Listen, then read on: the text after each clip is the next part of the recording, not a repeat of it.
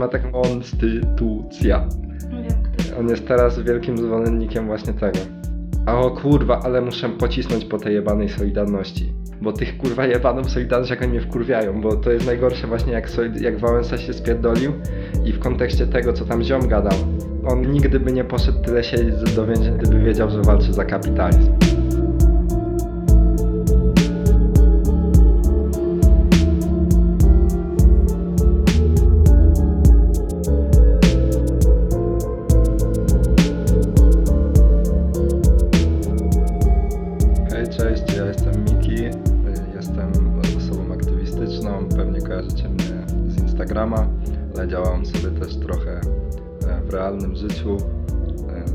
Obecnie jestem w żadnym kolektywie, ale działam w paru. E, Zajmuję się głównie tematami kolonializmu, rasizmu. Poruszam też tematy takie jak niebinarność, e, transfobia, Trochę się staram zajmować feminizmem, chociaż nie jest to taki temat, który mnie bezpośrednio dotyczy, ale staram się też wspierać osoby, e, które to dotyczy. Z racji, że jest to pierwszy odcinek, to pomyślałem, że może odwrócę tą formułę, jaką widzę taką w dłuższej perspektywie, bo chciałbym tu zapraszać trochę osoby aktywistyczne, udzielające się na co dzień w różnych wątkach i z nimi przegadywać te tematy. Ale z racji, że to jest pierwszy odcinek, to pomyślałem, że poproszę tutaj moją osobę partnerską DS Safo, polecam, e, żeby porozmawiała zamiast tego ze mną e, i będziemy dzisiaj rozmawiać o książce Naomi Klein, Doktryna Szoku. E, Będziemy się zajmować e, kapitalizmem, e, kapitalizmem dokładnie kryzysowym i będziemy rozmawiać sobie, jak kryzysy są wykorzystywane przez kapitalizm. Będziemy pytać już jakby tych... Tak, będę cię teraz odpytywać z lektury. Mhm. Tak. Zobaczmy, na ile przeczytałeś ze zrozumieniem. E, tak, bo y, ja, ja muszę to powiedzieć, że ja zostałam tutaj nagle wprowadzona w nową rolę. E, jak zwykle muszę zyskiwać reorientację w rzeczywistości, bo myślałam, że tak sobie będę e, tutaj spokojnie siedzieć, chillować, palić papierosy i tylko wklikiwać y, nagraj, zastopuj, nagraj, zastopuj. A okazuje się, że mam rozmawiać.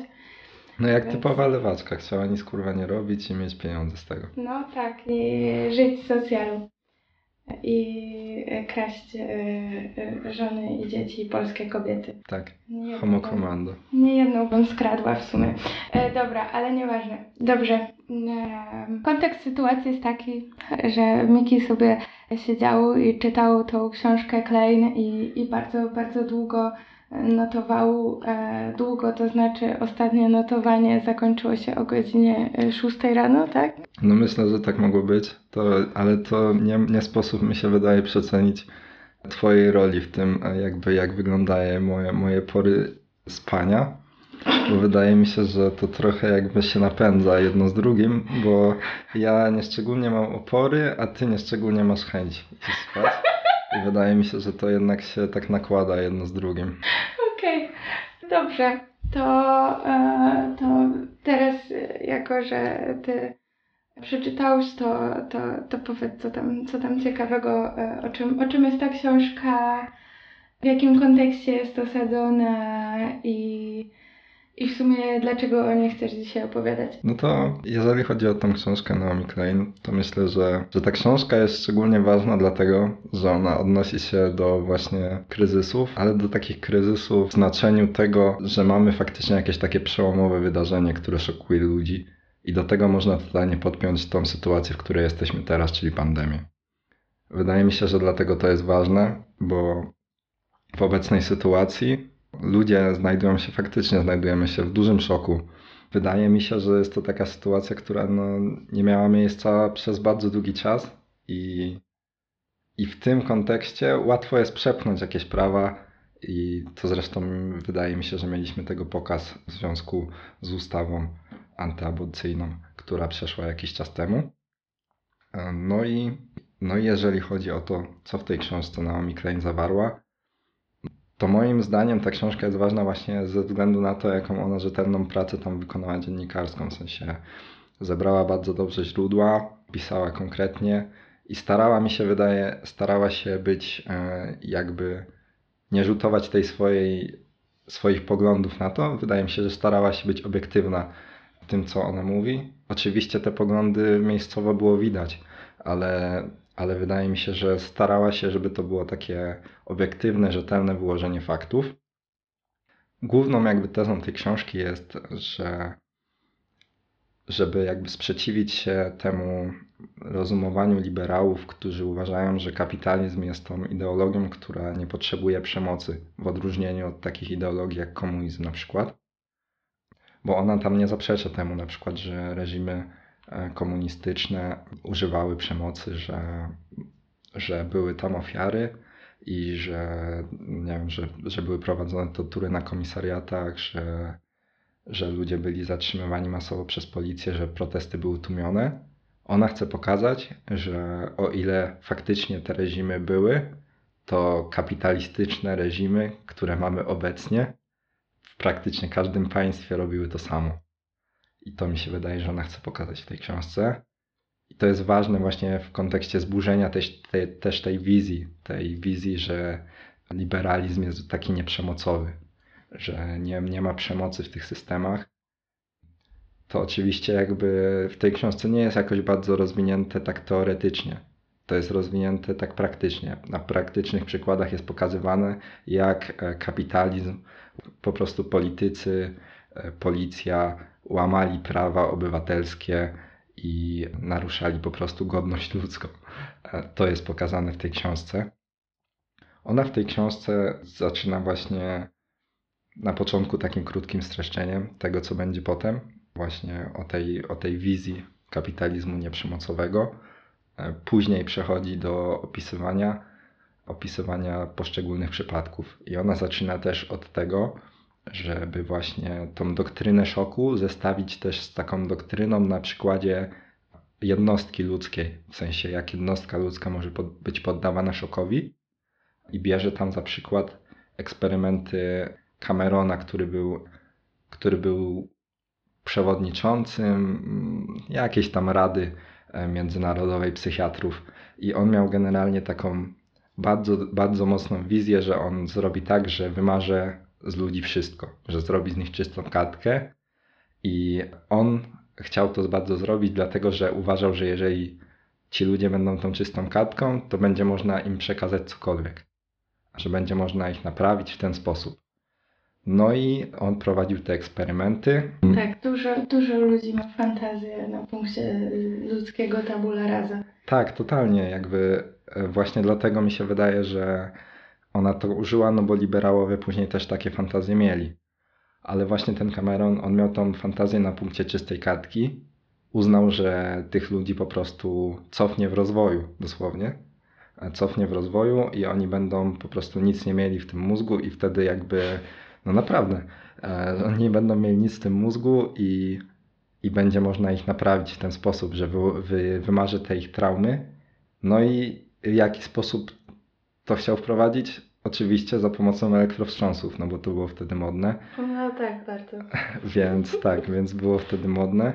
I trochę mi się wydaje, że właśnie jakby po tym przeczytaniu tego rozdziału miałem właśnie takie przemyślenia, że kurde, ja rozumiem trochę tych szurów, którzy boją się psychiatrów, nie? Naprawdę, bo e, totalnie gość zrobił taką jazdę, że to był w ogóle program finansowany za rządowe pieniądze, nie? I gościu jakby był przykład, ona robiła wywiad z jedną osobą, która trafiła tam z lekkimi zaburzeniami nerwicowymi, a wyszła po tym leczeniu od Camerona przez parę miesięcy tak, że sikała kurde na podłogę.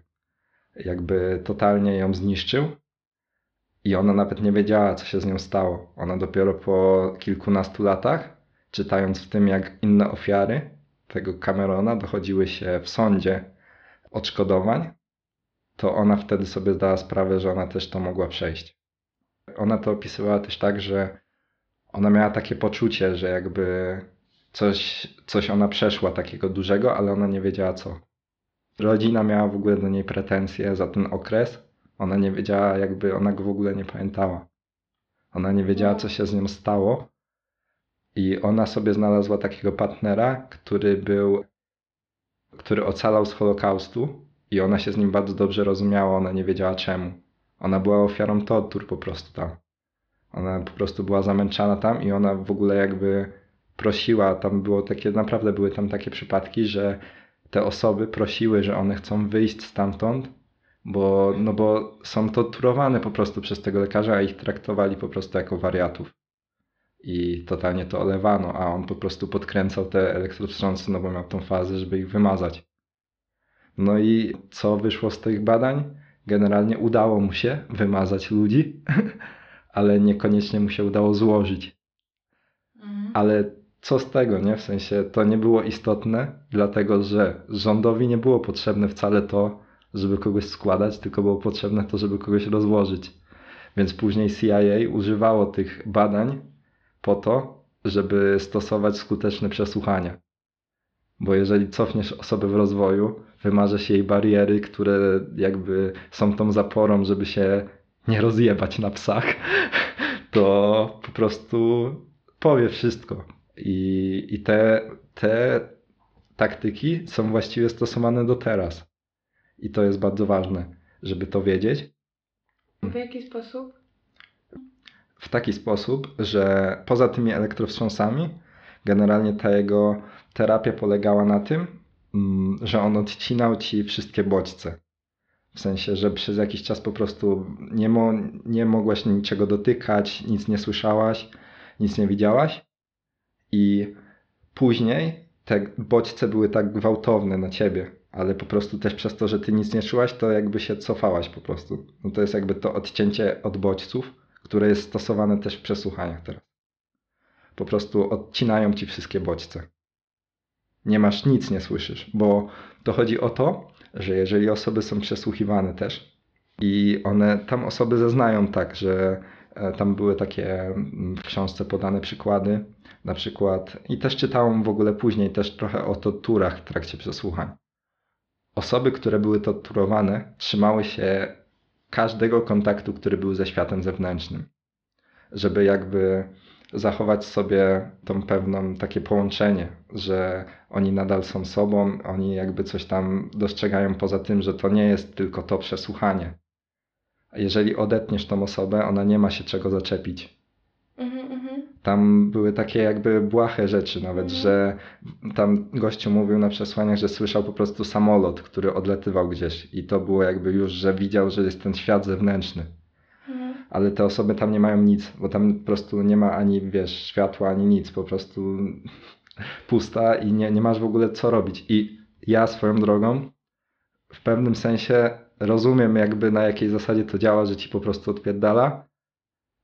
Chociaż no wiadomo, to też jest jakby takie bardzo, bardzo uproszczone i też nie chcę tutaj bagatelizować przeżyć osób, ale kiedy byłem zatrzymany przez chwilę, ja totalnie rozumiem, jak odpierdala ludziom po tym, jakby jak nie mają po prostu co ze sobą zrobić, bo jak ja trafiłem do aresztu, to tam nie chodzi o to nawet, że oni cię jakoś torturują, tam chodzi o to, że nie masz co kurwa robić, nic tam nie ma, jest jebane łóżko i stolik.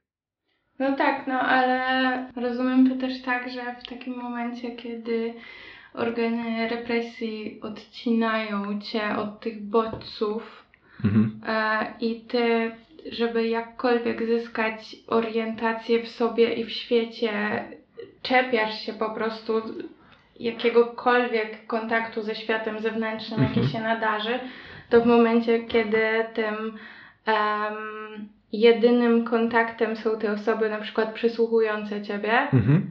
no to rzeczywiście one mają tę wygraną, że, że, że będą miały twoje sztucznie zbudowane, takie w pewien sposób bym powiedziała desperackie zaufanie, bo, bo jakby są jedynym twoim kontaktem z tym światem zewnętrznym. Tak, jakby e, totalnie. A to mi przypomina to, że faktycznie, no jakby pewnie byłoby to trochę inaczej przeanalizowane teraz.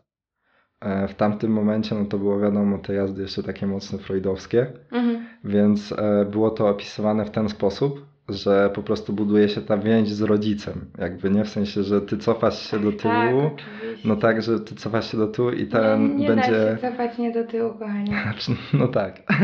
No, no i będzie, będzie po prostu jako, że będziesz po prostu tak zdzieciniały, że e, będziesz budować te więzi takie jak do rodzica, że, Mhm. że, że ten e, będzie przesłuchujący tam twoją postacią ojcowską, czy, czy, czy inne tam, mat, czy nie wiem, matczyną. No w każdym razie tak, no to, to, to robi to, że masz faktycznie tylko tą jedną relację i jakoś się możesz jej zaczepiać. I wydaje mi się, tak mi personalnie, że dlatego też bardzo ważne jest po prostu nic nie gadać, nie? Do psów. W sensie już pomijając całą tą ideę, że oni mogą przekręcić twoje słowa, to ta relacja bardzo łatwo może się obrócić przeciwko tobie, nawet sobie jak nie będziesz zdawać sprawy, bo jak to będzie się rozwijać dalej, to tak naprawdę nie wiesz, dopóki nie wyjdziesz, nie? W sensie wtedy możesz sobie to ocenić jakoś z dystansu, ale wtedy, kiedy tam trafiasz, nie wiesz naprawdę na ile tam będziesz i możesz tam spędzić bardzo długo, nie wiadomo czy nie wiadomo czy po prostu ta więź się jakoś później by nie przekształciła, nawet z takich błahych rozmów, nie? No bo to będą jakieś takie ostatnie twoje w sumie przeżycia przez Mhm. jakiś bardzo długi czas. Jeżeli Mhm. tam będziesz spędzać długi czas, mnie się wydaje, że dlatego to też jest ważne właśnie, żeby nic nie mówić. No ale wydaje mi się, że e, na temat tych eksperymentów to i tak już długo. Tak, tak, ale to jest taka y, ciekawa, kurczę, ambiwalencja, bo y, to jest coś, o czym mi nie mówiłeś wcześniej, jak, jak sobie gadaliśmy o tej książce, że coś, co zauważam teraz, że te takie struktury symboliczne, jedne z podstawowych, na których y, no, zostały zbudowane nasze współczesne sposoby myślenia, czyli na przykład ten właśnie bym powiedziała, ta fetyszyzacja wręcz wyobrażenia tabula razy, Mhm. a z drugiej strony to, do czego Europejczycy zaczynają usilnie dążyć w momencie, w którym zaczynają uważać, że podbijają świat i odkrywają jakieś nowe rzeczy, to się pojawia ta taka chęć, takie pragnienie niemożliwe do, do, do zaspokojenia, e, powrotu do stanu dziecięctwa. Nie? Tak. I, I jakby i, i teraz te struktury e, myślenia symbolicznego, które gdzieś tam wywarły wielki wpływ na, na budowanie opresji kolonialnej, czyli właśnie to, że inni obcy byli po Mhm. tej drugiej stronie, często utożsamiani z dziećmi, to, to z drugiej strony działają tak, że, że jakby państwa zachodnie robiły to samo na swoich przysłuchiwanych, co, cofały ich do tego stanu, bazując na tych właśnie wyobrażeniach. To jest, to jest bardzo ciekawe. A z drugiej strony to jest taka też bardzo silna ambiwalencja, bo jakby z jednej strony nie chcesz mówić, owszem, ale kiedy się wywiera na tobie taką presję, że że jest to ten, ten twój jedyny kontakt ze światem wewnętrznym, ta osoba Mhm. przysłuchująca i, i, i że ona pełni takie właśnie y, symboliczne funkcje rodzica, y, to bardzo ciężko jest nie mówić czegoś komuś, kto zaczyna y, pełnić te, te funkcje w twojej świadomości w danym momencie. No tak, totalnie. Znaczy, mnie się wydaje tak, że trochę to jest. W ogóle, no jakby od początku to nie jest równa gra, nie? W sensie trafiasz tam i to jest też bardzo duży problem, tak naprawdę, nie? W sensie łatwo jest sobie to oceniać z zewnątrz, ale tak naprawdę zastanówmy się, w jakiej sytuacji jest osoba, która jest przesłuchiwana. No, osoba przesłuchiwana jest w sytuacji takiej, że wie, że totalnie nic nie może zrobić. No, no bo tak naprawdę nic nie może zrobić, dopóki nie przyjdzie prawnik. To jest jedyna osoba, której możesz jakoś tam zaufać, że jest po twojej stronie, chociaż. No chyba, że ci dadzą z urzędu i nie do końca będziesz wiedzieć, czy jest. No, znam osoby, które były wiebane przez prawników też na jakby. e, więc jakby można być ujebanym też przez prawnika, ale no powiedzmy sobie szczerze, w ogóle kontakty z policją są takie, że ty naprawdę nic nie możesz zrobić. To jest sytuacja typu, jeżeli ty machniesz ręką i dotkniesz go, to będziesz w ogóle sądzony za napaść na funkcjonariusza policji, a on może cię napierdalać i tak naprawdę jaka jest szansa, że w ogóle coś mu się stanie. no bardzo niewielka, co można chociażby zobaczyć po tym, że zajebali Igora Stachowiaka, były po, były po tym nagrania, po tym jak typa walili paralizatorem, który leżał na podłodze i jedyne co z tym zrobili to tyle, że typy są zawieszone w służbie. Przecież to jest większy absurd w ogóle niż e, wszystkie te afery w kościele katolickim.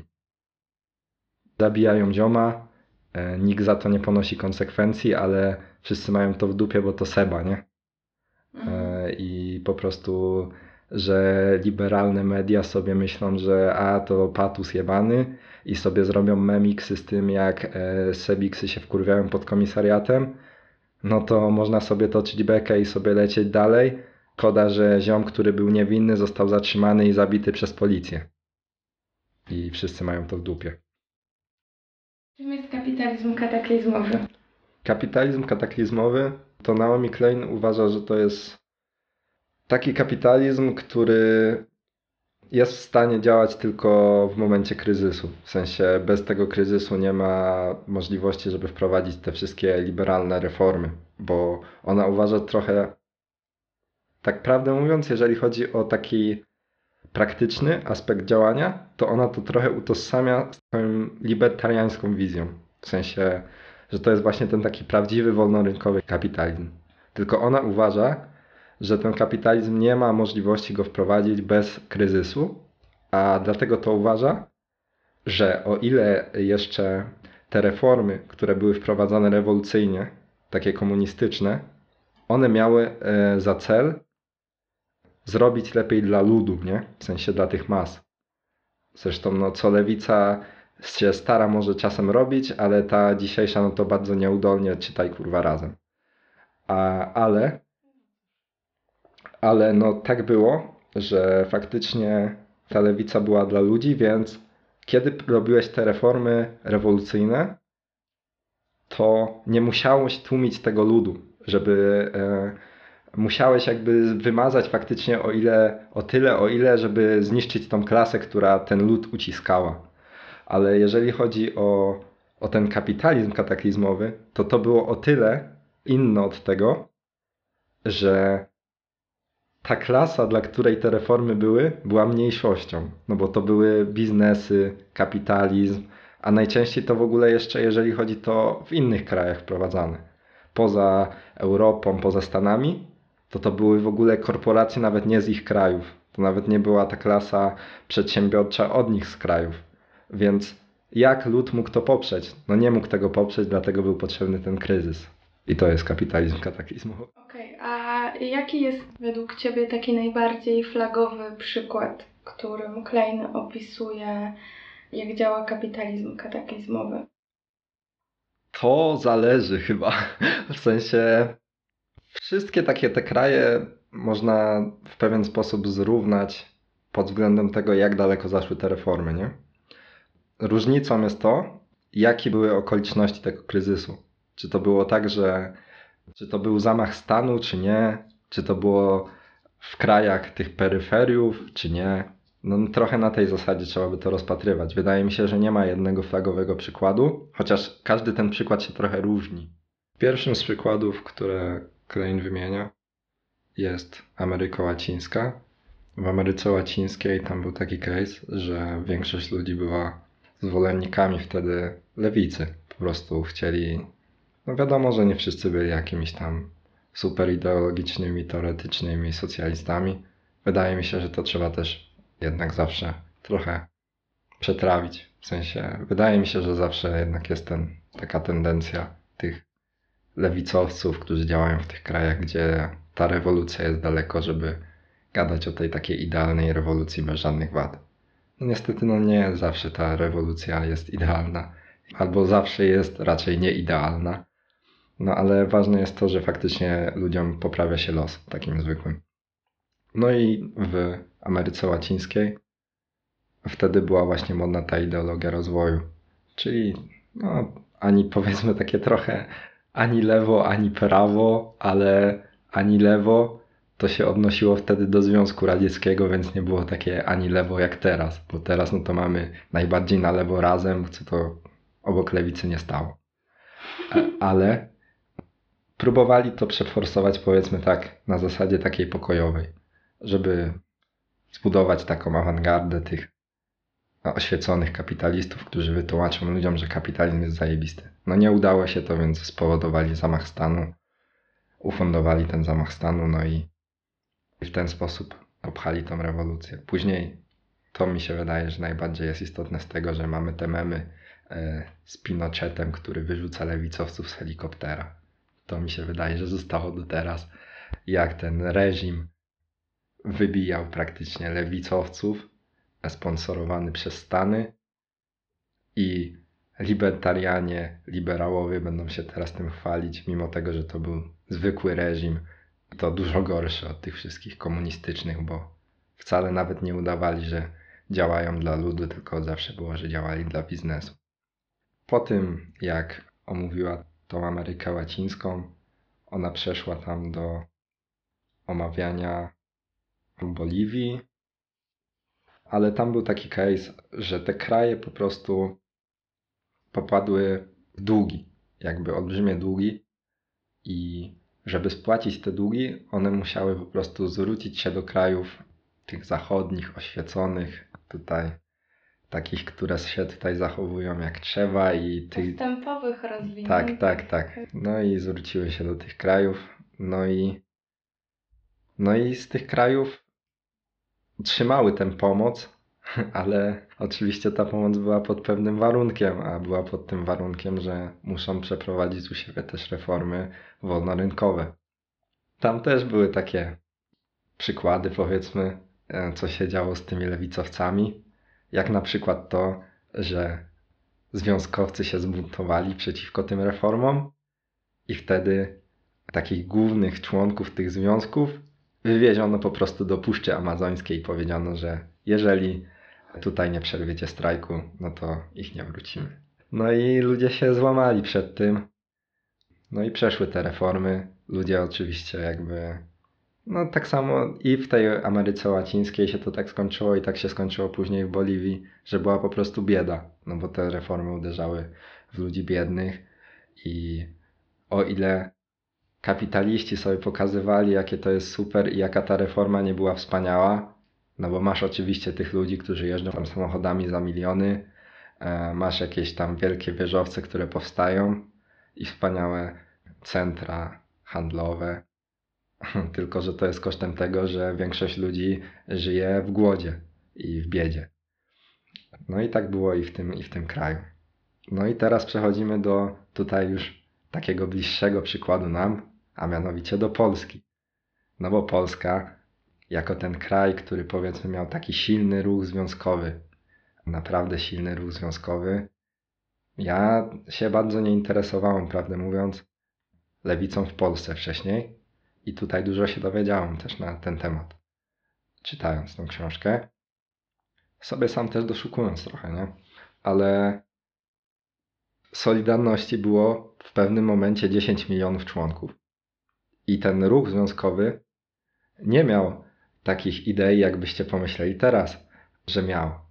No bo co mamy teraz? Mamy no, jebany kapitalizm w Polsce, ale Solidarność początkowo wcale nie chciała tego kapitalizmu w Polsce. Solidarność w Polsce chciała, żeby były kooperatywy, żeby tylko zniszczyć te taką burżuazję, która się wykształciła z partii tych ludzi, którzy uniemożliwiali wprowadzenie tego socjalizmu w rzeczywistości, żeby faktycznie to robotnicy mieli kontrolę nad środkami produkcji, a nie partia.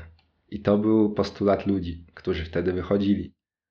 I dla mnie było najbardziej uderzające w tym to właśnie, że taki Modzelewski, który siedział za, za tych strajków i który był właśnie jednym z czołowych członków Solidarności, on powiedział, że gdyby on wiedział, że oni walczą o kapitalizm, to on nigdy by w życiu tyle nie siedział w więzieniu.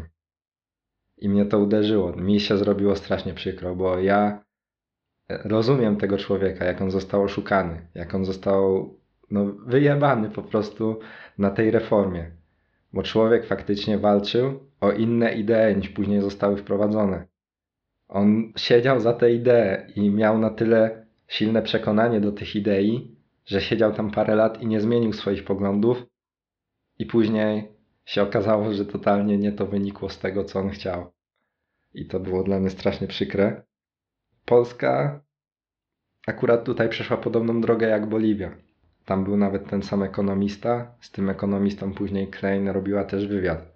To był Sachs i on generalnie był takim ekonomistą, który jeździł, on się uważał za takiego Indiana Jonesa ekonomii i on tu będzie jeździł i pomagał ludziom teraz robić reformy. Swoją drogą jego idolem był Keynes.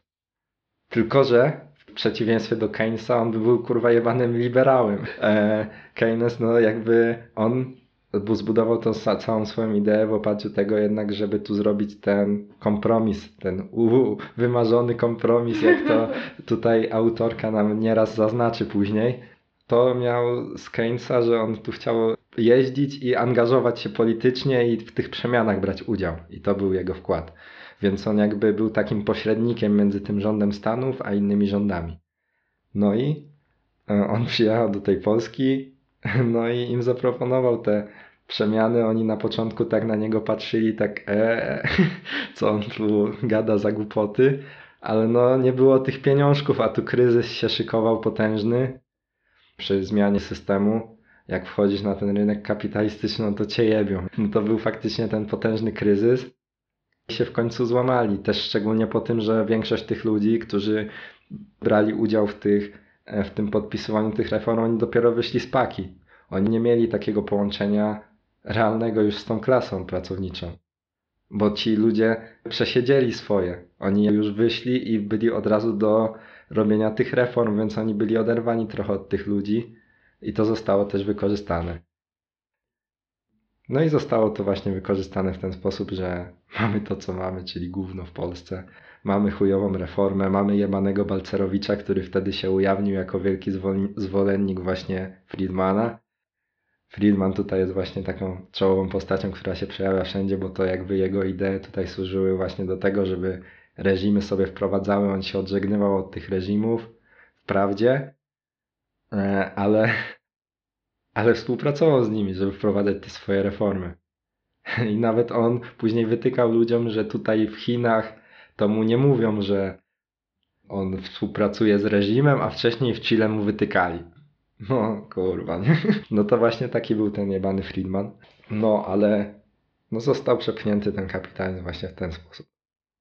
Co śmieszniejsze z tych e, takich zabawniejszych cytatów, to Wałęsa został tam podany jako przykład męskiej jurności i pobożności. I było wspomniane o tym, jak podpisywał te właśnie ustalenia długopisem z papieżem. Więc idealny przykład polskości. Tak zostaliśmy opisani w tej książce. Nie tylko polskość, ale polskość jako męska jurność i pobożność. Rozumiem, że ten długopis odpowiada za tę pobożność, ten długopis e, z żółtą mordą, a męska jurność to tak e, nie rozumiem do, do czego e, Klein tutaj pije. Ja też nie wiem do końca, bo ona tam się nie skupiała na tym, prawdę mówiąc. Opisała tylko to, wspomniała, co ona chyba o nim myśli. Czyli Jak ja bym- mężczyzną. Jak ja bym miał strzelać, Dobrze. to bym powiedział po prostu, że to chodzi o to, że on jest po prostu jebanym debilem facecikiem. Tak, takie jest moje zdanie, nie? Mhm. Okej, czyli jeżeli chcemy powiedzieć o jakimś faceciku ładniej, to mówimy, że jest jurnym mężczyzną. No, tak myślę. Myślę, że to tak To ma jakiś sens. ładnie ubrane w liberalne słownictwo, poprawne politycznie, to myślę, że dokładnie tak brzmi, nie? Ale no, była ta Polska, później, później tam była omawiana też Rosja. Dla mnie ciekawszym przykładem jest tutaj to, jak te reformy zachodziły też e, w Afryce. Dlaczego to jest dla mnie istotne? Dlatego, żeby pokazać, jak przechodzą te systemy z kolonializmu do postkolonializmu, jak ten system się dalej utrzymuje i właściwie to, że jak te kraje były wyzyskiwane przez Zachód, tak są dalej. No tam właśnie zostało to zrobione no, w pewien sposób bardzo podobnie, nie? To było na zasadzie takiej, że oni musieli się dogadać z tą partią narodową, wspaniałą. To było podane na przykładzie RPA, nie? Więc apartheid, wtedy tak potępiany przez wszystkich, oczywiście, bo Europejczycy są strasznie antyrasistowscy, jeżeli chodzi po, o inne kraje, nie? Wtedy jakby oni są bardzo antyrasistowscy. Myślę, że to się utrzymuje do teraz. I to jakby w każdym kraju, nawet może, nie wiem, czy nawet poza Europą, nie? Najlepiej właśnie zawsze znaleźć i uderzyć w rasizm poza swoimi granicami, bo to jest najprostsze. Mandela e, i ta partia, która później przejęła władzę po apartheidzie, oni e, w ogóle zbierali te reformy, które oni chcieli wprowadzić bardzo demokratycznie. Ale tak naprawdę demokratycznie poszli po prostu wśród ludzi do najbiedniejszej dzielnicy faktycznie i zebrali od ludzi na kartkach to, co chcieli ludzie, żeby się zmieniło dla nich. To się nazywało później Karta Wolności. Oni tą Kartę Wolności spisali. I oni tam trochę, no wiadomo, no to było takie, no prost, prości ludzie, nie? Chcieli po prostu mieć jakby ziemię, chcieli mieć e, pieniążki i żeby po prostu biali ludzie im, że tak powiemy ładnie, nie dokuczali. No, więc no taka była, taka była ta idea e, karty wolności. No ale było właśnie to, że te pieniądze powinny trafiać do ludzi, którzy są tutaj, nie? Że, że oni chcą pracować na siebie. To było jakby takie główne. No wiadomo, że to nie było ubrane w jakieś ładne marksistowskie teorie, nie wiadomo co. Ale no taki był przekaz tej karty. No ale jak się skończyło? No skończyło się tak. Mandela siedział w więzieniu przez wiele lat też oderwany od ruchu totalnie, wyszedł. No i mu mówią, że no ale słuchaj, no ty nie wiesz teraz w ogóle jak wygląda ten świat. O czym ty tu w ogóle mówisz, nie? Tutaj w innych krajach zachodziły przemiany i tam było na zasadzie, że jak te rządy odchodziły kolonialne, to one rozpierdalały jeszcze wszystko. Żeby ci ludzie nie mieli co przejąć.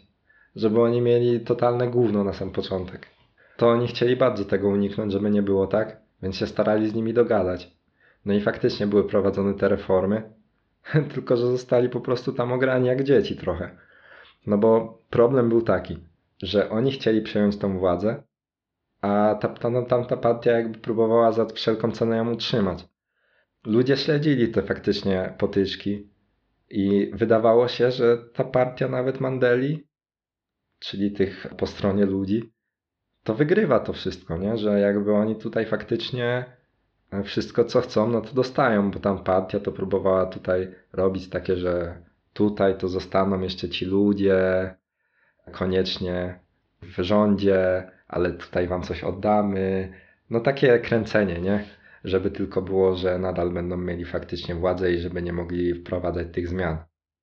No i wydawałoby się, że wszystko tutaj było ogarnięte. Ale co zostało zrobione? Zostało podzielone na reformy ekonomiczne i reformy polityczne. No i co ludzie śledzili polityczne, no bo co oni wiedzą o tej ekonomii? Co ich to w ogóle obchodzi, skoro można to później cofnąć, nie? Ale okazało się, że jednak nie można później. No bo zostało zrobione tam właściwie tak. Tak, to jest coś, co, co do dzisiaj starają się chyba w Polsce robić zwolennicy Konfederacji, prawda? Wierzyć w to, że, że reformy polityczne da się jakkolwiek oddzielić od ekonomicznych. Tak, tak, totalnie, nie?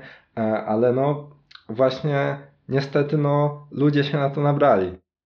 I tam e, Klein rozmawiał w ogóle z ziomkiem, który był ekonomistą właśnie tej partii takiej ludowej.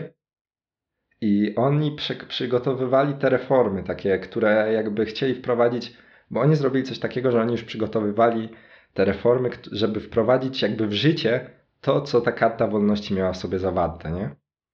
Więc oni jakby się kupiali na tym, jak to wprowadzić w życie, jakie konkretne trzeba ustawy zrobić i tak dalej.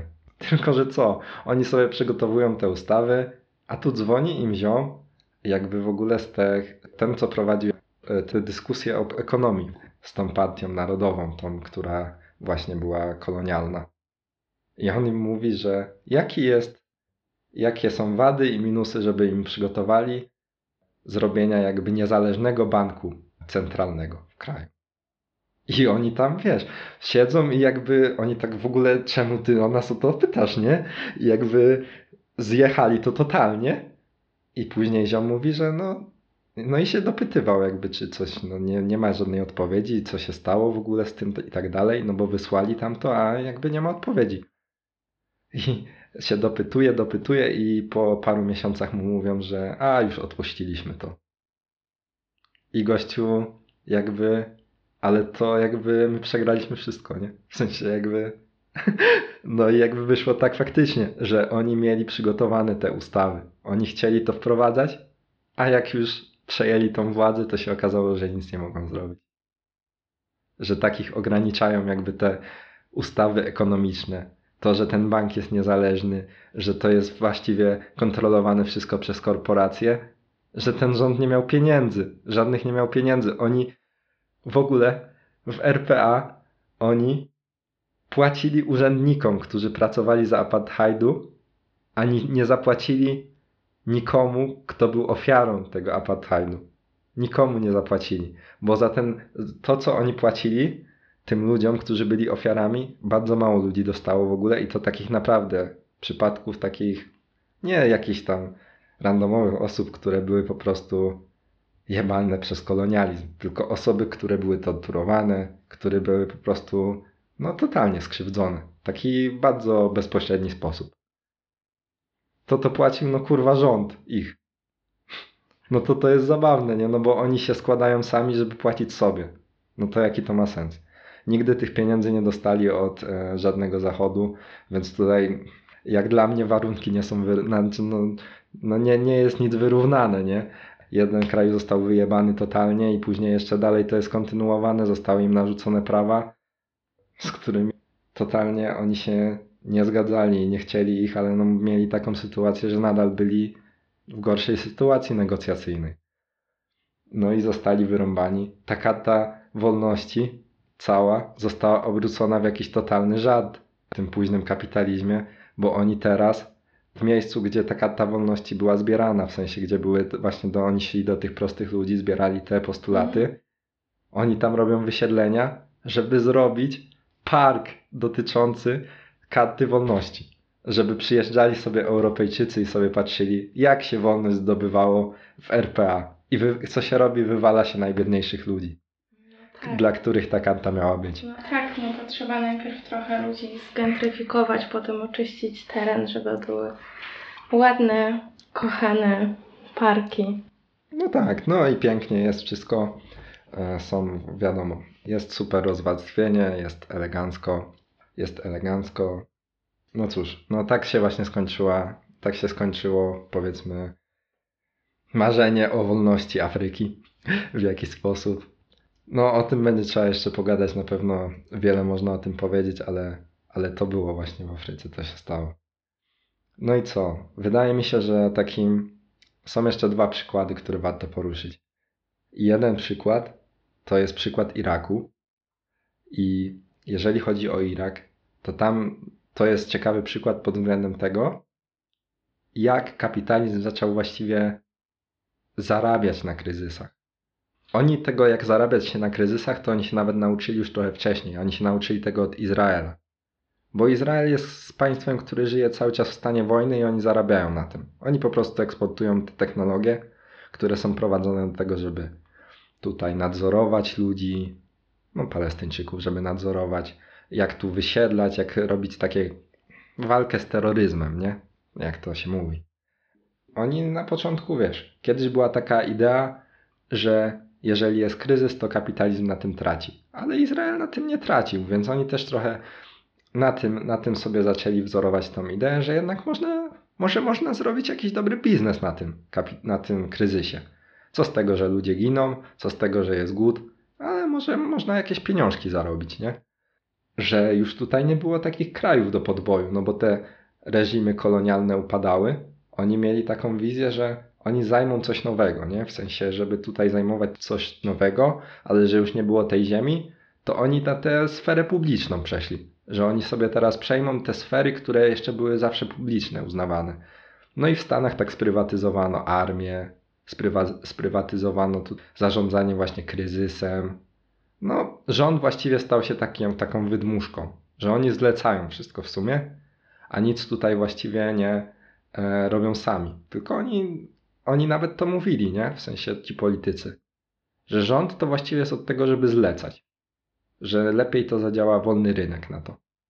No i tutaj wiadomo też wchodziły takie przekręty, że tutaj był w rządzie, później przechodził do tej korporacji, albo z korporacji do rządu, ale no wiadomo na czym, to, na czym to polegało, nie? Jak miałeś wpływy, no to później łatwiej ci było być w korporacji. Czyli dokładnie ten sam proces, który obserwujemy teraz w Polsce. Tak? No tak, no wszędzie to samo, nie? Trochę.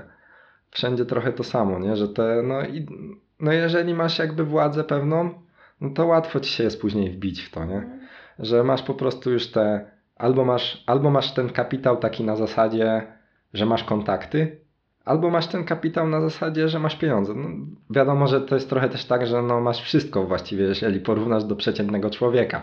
No bo też nie ukrywajmy, że ci politycy nie byli biedni, ale no jakby możesz mieć bardzo duży kapitał taki na zasadzie właśnie, że masz kontakty, no to wtedy ci się łatwiej biznes robi, no bo załatwisz sobie te wszystkie kontrakty z rządem, a jeżeli masz z kolei pieniądze, no to tutaj jesteś w jakiejś tam korporacji, wchodzisz do rządu i robisz takie ustawy, żeby dla ciebie to było fortunne, nie? A też, że w Stanach można sobie finansować kampanie i w ogóle przez firmy prywatne, nawet na sędziów tam są swoją drogą kampanie w Stanach. Super system prawny, polecam. No to jakby wiadomo, że łatwo jest też po prostu wbić się komuś, kto ma pieniądze w to. No, ale e, właśnie sprywatyzowali sobie tą sferę prowadzenia wojny. No, prowadzenia wojny, kryzysu generalnie. Wszystko takie, co wcześniej było zawsze utożsamiane, że to jest publiczne, że to jest ta taka sfera, która nawet tego to już nie dotykamy. To jest państwo. Nawet Korwin to mówi. To jest nawet Korwin jest mniej, libertaria, jest mniej libertarianem niż e, Stan, jak pomyślisz. Bo Korwin mówi, że wojsko tylko ma być przecież publiczne. A w Stanach to wojsko sobie sprywatyzowali i chuj, nie? I lecimy, nie? No więc, więc no, porobili sobie tak, polecieli sobie z tematem dalej. No i sobie pomyśleli, że tutaj był ten terroryzm, no bo był te, były te zamachy, no to może warto by było faktycznie jakoś ten terroryzm zdławić. No i tam były różne jakby teorie uzasadniające to, e, dlaczego faktycznie e, ten najazd na Irak jest uprawniony. Tam różne były za tym teorie stojące. No ale też, e, no moim zdaniem, no o ile wiadomo, że nie przypiszesz tego, tego tak dokładnie każde, komuś, ale no moim zdaniem to to było proste, no że też to był po prostu biznes, nie? Że najadą sobie i sobie zrobią tak jak chcą tam po prostu, a kontrakty sobie pobiorą tutaj na jakieś odbudowywanie i tak dalej. Ale tam w Iraku właśnie było właśnie bardzo dobrze widać tą e, ideę czystej kartki. Dlatego, że oni tam totalnie polecieli w to, że oni chcieli tam wszystko rozjebać. Tam naprawdę wszystko chcieli rozjebać. Oni sami nie, powiedzmy, okradali tych muzeów, ale oni przymykali na to oko, że e, jeździły te ciężarówki po prostu. E, oni to tak opisywali tam, że jeździły te ciężarówki po prostu z tych muzeów, wywożące te dzieła kultury, które były tam od niepamiętnych czasów. I jakby tworzyły jakiś ten obraz ludzi, do którego oni byli przywiązani, ten swój społeczny i tak dalej. I oni po prostu to przymykali na to oko, jak to wyjeżdżało do krajów ościennych, żeby ktokolwiek miał z czego żyć, nie? No bo wiadomo, że się czarny biznes zaczął kręcić później.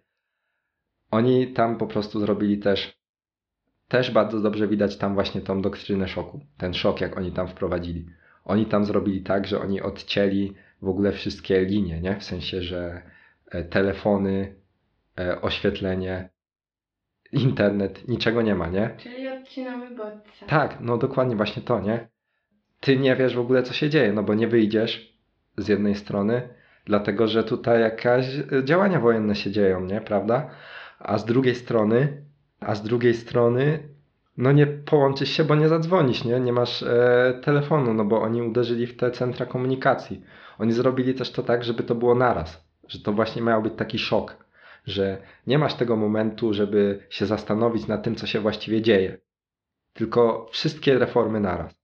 Wszystkie, całe uderzenie armii, całą siłą na wiele punktów naraz. Tak, żeby po prostu to szokowało ludzi. Mimo tego, że to też nie było tak, że do tego nie, było, nie byli ludzie przygotowani trochę, bo oni też robili to i to też można odnieść trochę do przesłuchań, że najgorsze nawet nie jest to, jak ci kto, no tak było później podane w tym podręczniku, do którego się będę odnosić, Najgorsze dla ludzi nie jest to, jaki oni odczują ból, tylko najgorszy jest ten strach przed tym bólem. Że oni zasugerują, że ci coś zrobią. I Stany tak robiły. Oni nagrywali cały czas, że o tutaj mamy takie potężne bronie, które są w stanie zrobić to i to. I tutaj no, w ten sposób grozili po prostu ludziom, nie? Że oni po prostu czuli się zastraszeni, że, że zaraz tutaj na nas taką potężną mocą uderzą i nie wiadomo co się stanie. I czy jest w ciągłym stresie wtedy wiadomo. No i później właśnie wymazywanie tej kultury. Oni tam w ogóle robili takie śmieszne akcje, no bo tam było wszystko właśnie sprywatyzowane. Tam było, że najemników było tam najwięcej, w ogóle jakiś tam chory procent, że, że właśnie odbudowę to robiły tam kontrakty, były tam podpisywane na to, że złoża, później złoża ropy, bo złoża ropy najdłużej się trzymały, dlatego że to jedyny taki źródło dochodu. Tam było chyba 90% dochodu kraju. I Stany zrobiły tam taki totalny przekręt, że oni po prostu na końcu już uznali, że, że im się nie uda ta odbudowa, ale no to ich chociaż wyjebmy na tym. No to ich wyjebali tak, że na kilkadziesiąt lat do przodu im podpisali kontrakty z Shellem, z innymi tymi wielkimi korporacjami, że oni mają już e, tutaj wyłączność na te złoża. Czyli właściwie kraj nie ma pieniędzy. Nigdy. I, I tyle, nie? E, I tak, tak przebiegało to. No bo z ropy jest pieniądze, a sobie wezmą to korporacje ze Stanów, a ludzie nie będą mieli i spoko, nie? Tylko co to było jeszcze w tym ciekawe? To było ciekawe, że oni się przejechali właśnie na tej prywatyzacji pod tym względem, że oni nie pomyśleli o tym, żeby zatrudnić jakoś tych ludzi, którzy tam pracują. Oni uważali, że po prostu im dopierdolą jak się da i jakby ludzie ich będą słuchać. Tylko problem jest taki, że ludzie jak już nie mają co, jak już widzą, że nie mają żadnego oparcia, to po co oni mają w ogóle jakby się podporządkować temu? Jak oni tak widzą, że umrą z głodu. No to ludzie poszli w radykalizmy e, i się, no w radykalizmy, no ja jestem akurat też radykałką, ale no chodziło mi tutaj akurat o fanatyzm religijny. Dali się faktycznie tu do fanatyków religijnych, którzy im zapewniali coś. No bo oni tam faktycznie się zorganizowali i no wiadomo, że to było pod jakim kosztem, nie? Że takim, że musiałeś iść i tam ginąć za ten islam. Ale no miałeś jakieś chociaż e, perspektywę. A Stany ci tego w ogóle nie zapewniały, no bo jaka była perspektywa taka, że umrzesz w końcu z głodu tam? No bo dlatego, że oni przy tej przebudowie zatrudniali w ogóle swoich. Oni ściągali ludzi w ogóle z innych krajów. Nikogo tam nie chcieli zatrudnić z miejscowych.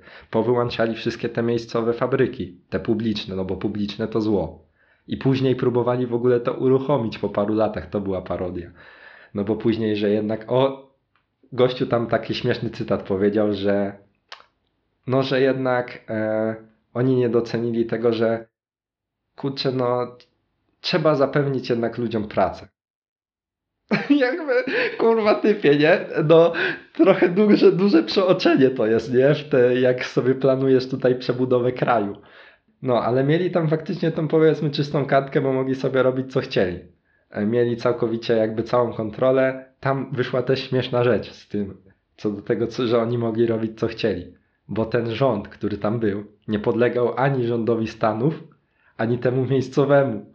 Bo to były jak właściwie urzędnicy Stanów, ale tacy jacyś tam gdzieś tam prywatnie tutaj zatrudnieni, coś tam.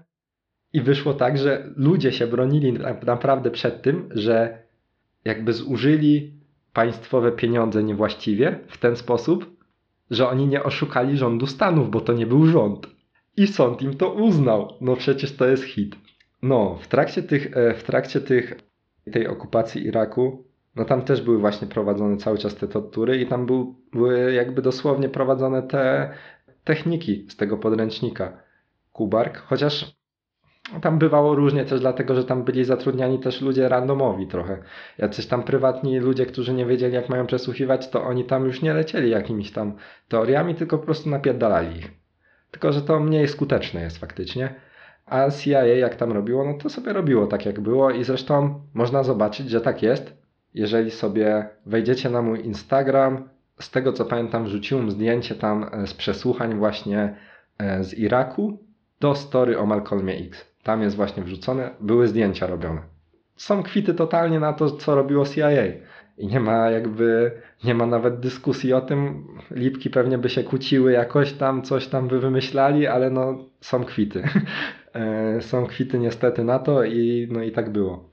No i co? No i no tak było, zostało to wprowadzone, ta doktryna szoku. Mi się wydaje, że w takim najbardziej dosłownym sensie i też najbardziej dosłownym sensie był ten kapitalizm kataklizmowy, ale na znaczeniu tym nie, że te reformy zaszły jak najdalej, tylko na znaczeniu tym, że w ogóle cały biznes wokół, wokół kataklizmu się rozkręcił. No i myślę, że ostatnim takim przykładem, który warto by było poruszyć, to są Stany, bo w Stanach to no, tam wiadomo, że tam różnie tam szło te, te takie dyskusje typowe między tam lewicą, prawicą, tutaj coś się zliberalizuje, tutaj coś tego, e, trochę tutaj w jedną stronę, trochę w drugą, no te kompromisy fajne zawsze, nie? Ale no też prz- przeszło później faktycznie to w ten sposób, że, że się pomału to wszystko jednak zapadało w ten taki kapitalizm kataklizmowy i, i to postępowało. I ludzie sobie zdali z tego sprawę, co śmieszne, dopiero właśnie przy kataklizmie, nie? Jakby nie zdawali sobie sprawy z tego, co się właściwie dzieje u nich w kraju. No bo uderzył huragan e, w Nowy Orlean, to tam się stała taka rzecz, że ludzie po prostu, ten system był tak rozebrany, że nikt ludziom nie pomagał. Że ludzie sobie nie zdawali z tego sprawy, że oni żyją w kraju właściwie, w którym coś ci się stanie i nikt ci nie pomoże, że to państwo właściwie to nie istnieje za bardzo. No bo tak było, bo ci, co mieli pieniądze, no to sobie polecieli tutaj do. W ogóle Naomi, Naomi Klein sama s- swoją drogą, ona e, jechała tam do tego Nowego Orleanu i ona miała wypadek w trakcie i ona trafiła do szpitala takiego eleganckiego, tutaj prywatnego tego, nie? No musiała zapłacić rachunek, wiadomo, za to, ale ona była elegancko obsłużona. Tymczasem, no jakby lu- ludzi, dużo ludzi nie było na to po prostu stać.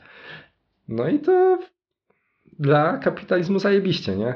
Jedyny minus tego był właśnie taki, że były później te nagrania z tego, jak ludzie kurwa na drzwiach lodówki kurwa pływali w wodzie, nie? w Stanach. I czekali na to, żeby ich ktoś uratował, a ich nikt nie ratował. no to to był jedyny minus, no bo w jakiś sposób to pokazuje te dziury kapitalizmu.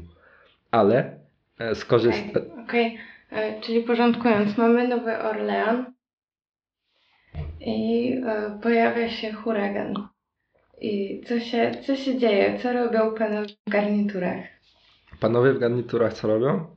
Panowie w garniturach właściwie odżegnują się od odpowiedzialności. Bo ta część rządu, która odpowiadała za zarządzanie kryzysami, to chyba przewodniczący tego zwolnił się w trakcie po prostu. W sensie, no po prostu spierdolił.